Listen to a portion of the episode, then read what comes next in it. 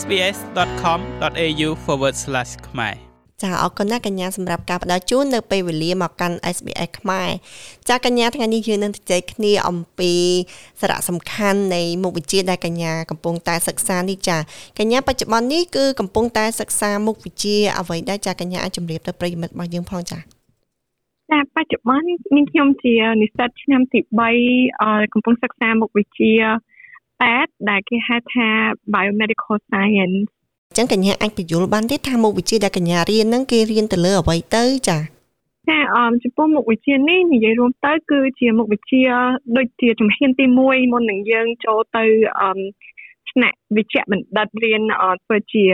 តែតហើយមុខវិជ្ជានេះទាំងស្រុងគឺ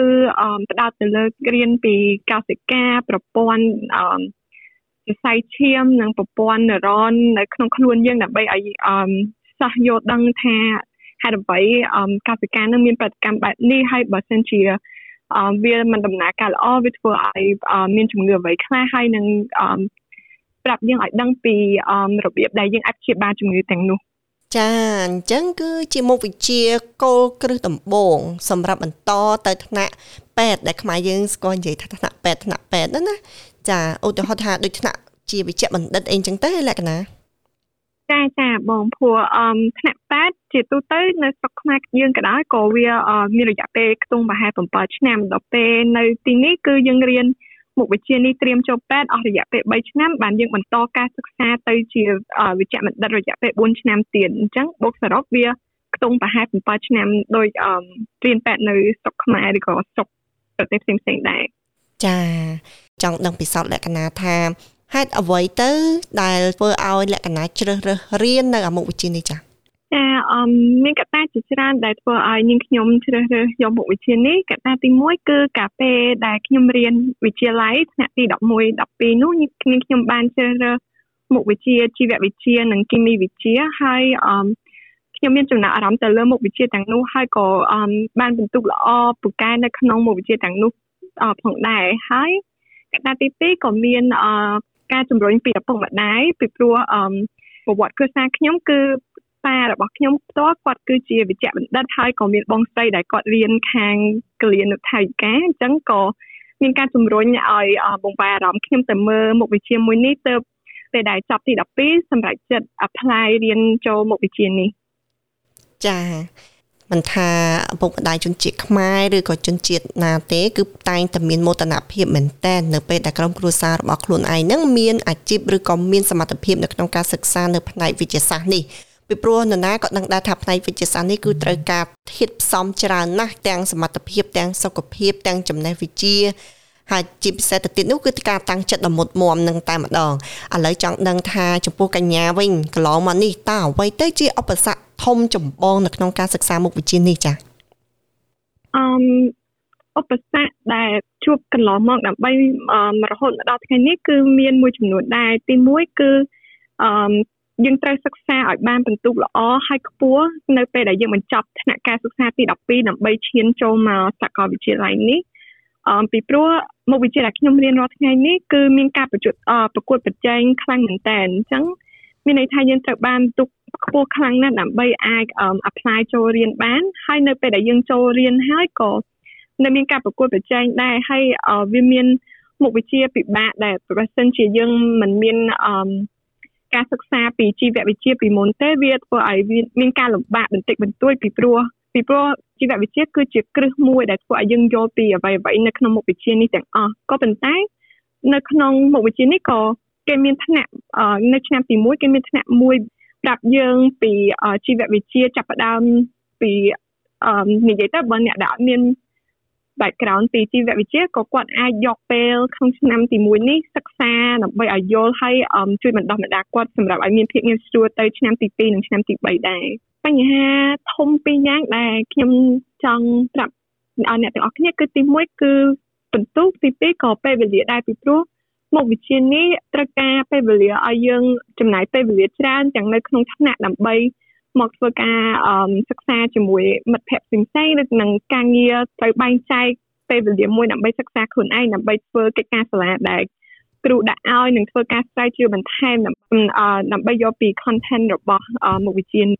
ចាលក្ខណៈអរគុណច្រើនណាស់ចាអញ្ចឹងពីចំណុចសំខាន់សំខាន់ទី1គឺចាប់បន្ទុកទី2គឺពេលវេលាសម្រាប់លក្ខណៈតើលក្ខណៈកន្លងមកនេះបានរៀបចំពេលវេលាបែបណាទៅដើម្បីអាចធ្វើកិច្ចការងារក្នុងការសិក្សារៀនសូត្រឲ្យបានជោគជ័យផងហើយក៏មានឆ្លៀតពេលតែស្ម័គ្រចិត្តនោះទៀតចាអញ្ចឹង ចង់ដឹងយុទ្ធសាស្ត្រជានិស្សិតម្នាក់ដែលប្រើប្រាស់ពេលវេលាដ៏ល្អនេះតើធ្វើបែបណាទៅចាចាអមជាដំបូងឡើយខ្ញុំចង់និយាយប្រាប់អ្នកនរគ្នាថាការបែងចែកពេលវេលាគឺគឺជាផ្នែកសំខាន់មួយដើម្បីធ្វើឲ្យយើងទទួលបានការជោគជ័យក្នុងការសិក្សាប៉ុន្តែការបែងចែកពេលវេលានេះក៏ខុសខុសគ្នាទៅតាមមនុស្សម្នាក់ម្នាក់ប៉ុន្តែចំពោះខ្ញុំការបែងចែកពេលវេលារបស់ខ្ញុំគឺ ខ្ញុំតែងតែចង់រៀបចំថ្នាក់ខ្ញុំឲ្យមានរយៈពេលតែមួយថ្ងៃទៅពីរថ្ងៃក្នុងមួយអាទិត្យដើម្បីឲ្យមានថ្ងៃខ្លះដែលខ្ញុំមិនមានថ្នាក់ហើយថ្ងៃដែលមិនមានថ្នាក់នោះភាគច្រើនខ្ញុំចំណាយពេលទាំងនោះ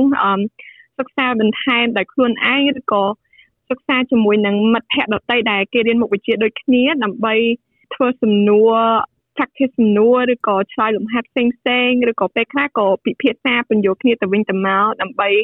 ឲ្យយើងយល់កាន់តែច្បាស់ពី content នៅក្នុងមុខវិជ្ជាហ្នឹងចាអរគុណខ្លាំងណាស់លក្ខណៈចំពោះចំណុចនេះគឺពិតជាសំខាន់ណាស់ក្នុងការបែងចែកពេលវេលា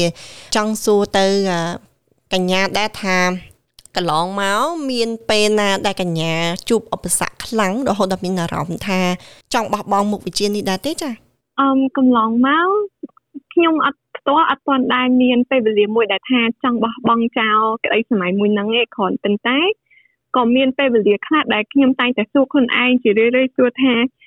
តើមុខវិជ្ជាដែលខ្ញុំរៀននេះគឺជាអ្វីដែលខ្ញុំចង់បានហើយអ្វីដែលតើខ្ញុំនឹងត្រូវធ្វើអ្វីខ្លះដើម្បីទៅដល់គោលបំណងមួយនោះពីព្រោះគឺមុខវិជ្ជាមួយនេះមានការប្រកួតប្រជែងមែនតើអញ្ចឹងពេលដែលសិក្សាទៅពេលខ្លះក៏មានអារម្មណ៍ថា stress ពីព្រោះថា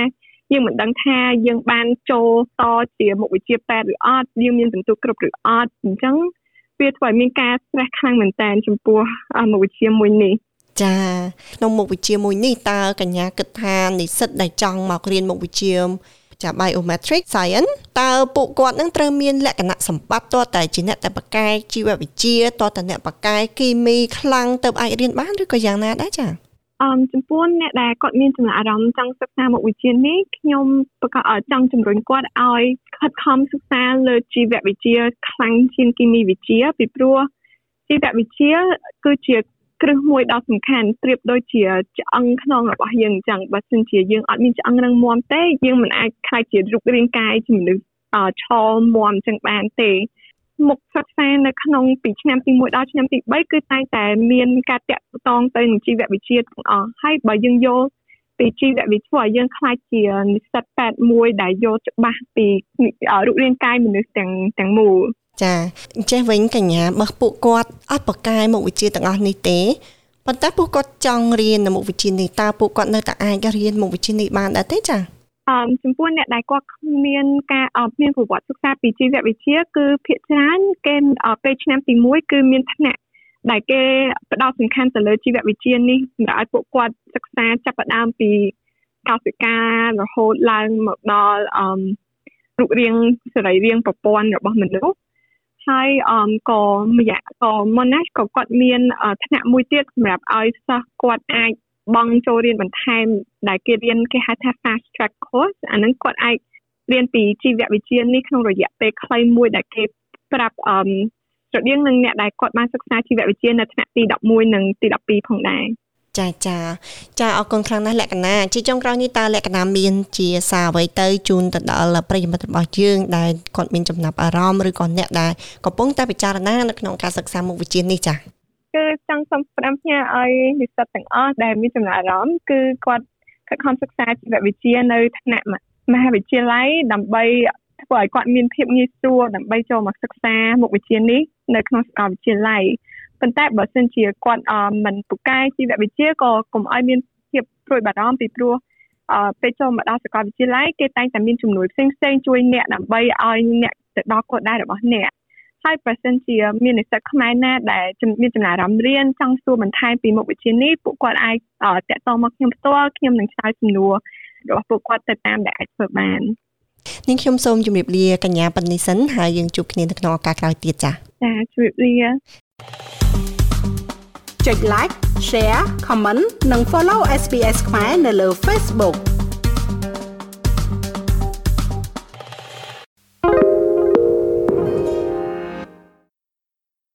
SBS is Australia's most trusted multilingual broadcaster. Our listeners are loyal, highly engaged, and have supported countless local businesses. We offer advertising packages for businesses of all sizes. Our experienced sales team will guide you through the process of owning a great campaign. Bring your own ad or have our production team make you something in one of our 68 languages. Start the conversation with your new audience today. Email sales at sbs.com.au.